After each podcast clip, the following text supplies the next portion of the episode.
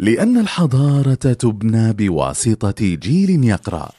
كان مجتمع القراء.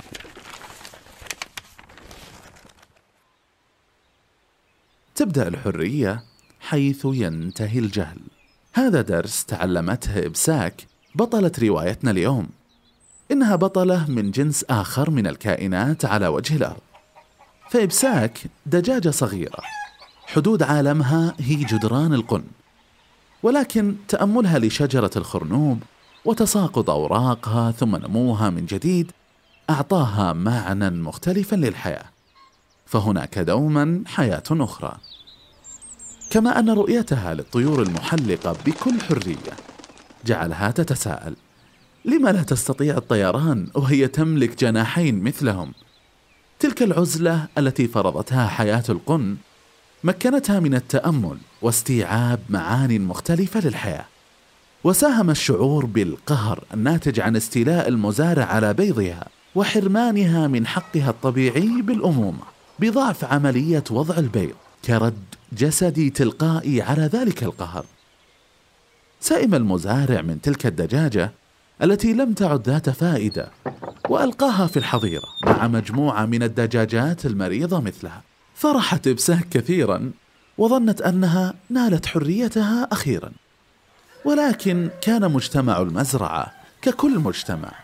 فهناك الناصح الذي يوضح مآلات الأمور والمتحفظ الذي يرفض التغيير ويريد أن تستمر الحياة بأي طريقة حتى وإن كانت بلا مذاق أو فائدة. وككل مجتمع كان هناك المسيطر الذي يريد أن يفرض وجهة نظره ولا شيء غيرها. تصدت إبساك لكل هؤلاء بشجاعة. فلقد كان حلم الحرية والطيران هاجسا قويا لا يعادله إلا هاجس الأمومة الذي كانت تسعى إليه بكل قواها تقول إبساك لا أدري لماذا حياتي صعبة هكذا. هل يحصل هذا معي لأن لدي حلم؟ نعم يا إبساك في رحلة الدفاع عن حلمك تحتاج أن تتحلى بالصبر والشجاعة. وأن تكون خطة طريق أحلامك ممتدة وواضحة. ويجب أن تدرك أن خارج دائرتك الآمنة يوجد الكثير من الأمور غير المتوقعة. وكما أنك ستعثر على كثير من الأصدقاء فستكسب كثيرا من الأعداء بلا شك. أعداء نصبوا أنفسهم أوصياء على غيرهم. ولا يريدون لأحد أن يكسر تلك القوانين. تتساءل إبساك بتهكم. ماذا سيحدث إذا لم نوافق على تلك القوانين؟ هذا السؤال قد يردده المراهقون في مرحلة ثورة الفكر وهو ينطوي على معان لا بد أن تشرح لكل أحد. لا بد من معرفة أن القوانين وضعت لضبط الحرية وليس لتقييدها. فهناك ثقب صغير في حائط الحرية نعتقد بأنه من حقنا النفاذ منه ولكنه قد يتمزق ويحدث خللا في منظومة الكون.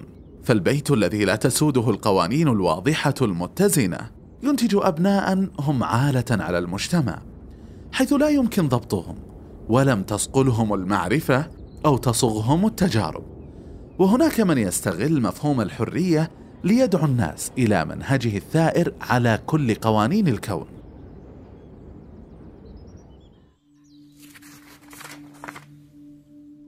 لا يخفى عليك صديقي المستمع.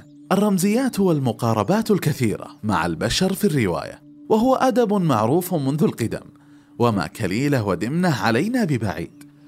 والحاجة إلى الحرية عند الإنسان من الضروريات التي كفلها الإسلام كحق واجب له وهي حرية منضبطة بحقوق وواجبات ليس هنا مجال سردها. ننهي هذه المراجعة بمقاربة عجيبة. فهناك من يقول عليك دوما إما أن تظل في القن آمنا يأتيك رزقك صباحا ومساء أو تعيش معيشة قلقة تكترفها المخاطر ويتربص بك ابن عرس المفترس. صديقي المستمع هي حياة واحدة في هذه الدنيا تختارها.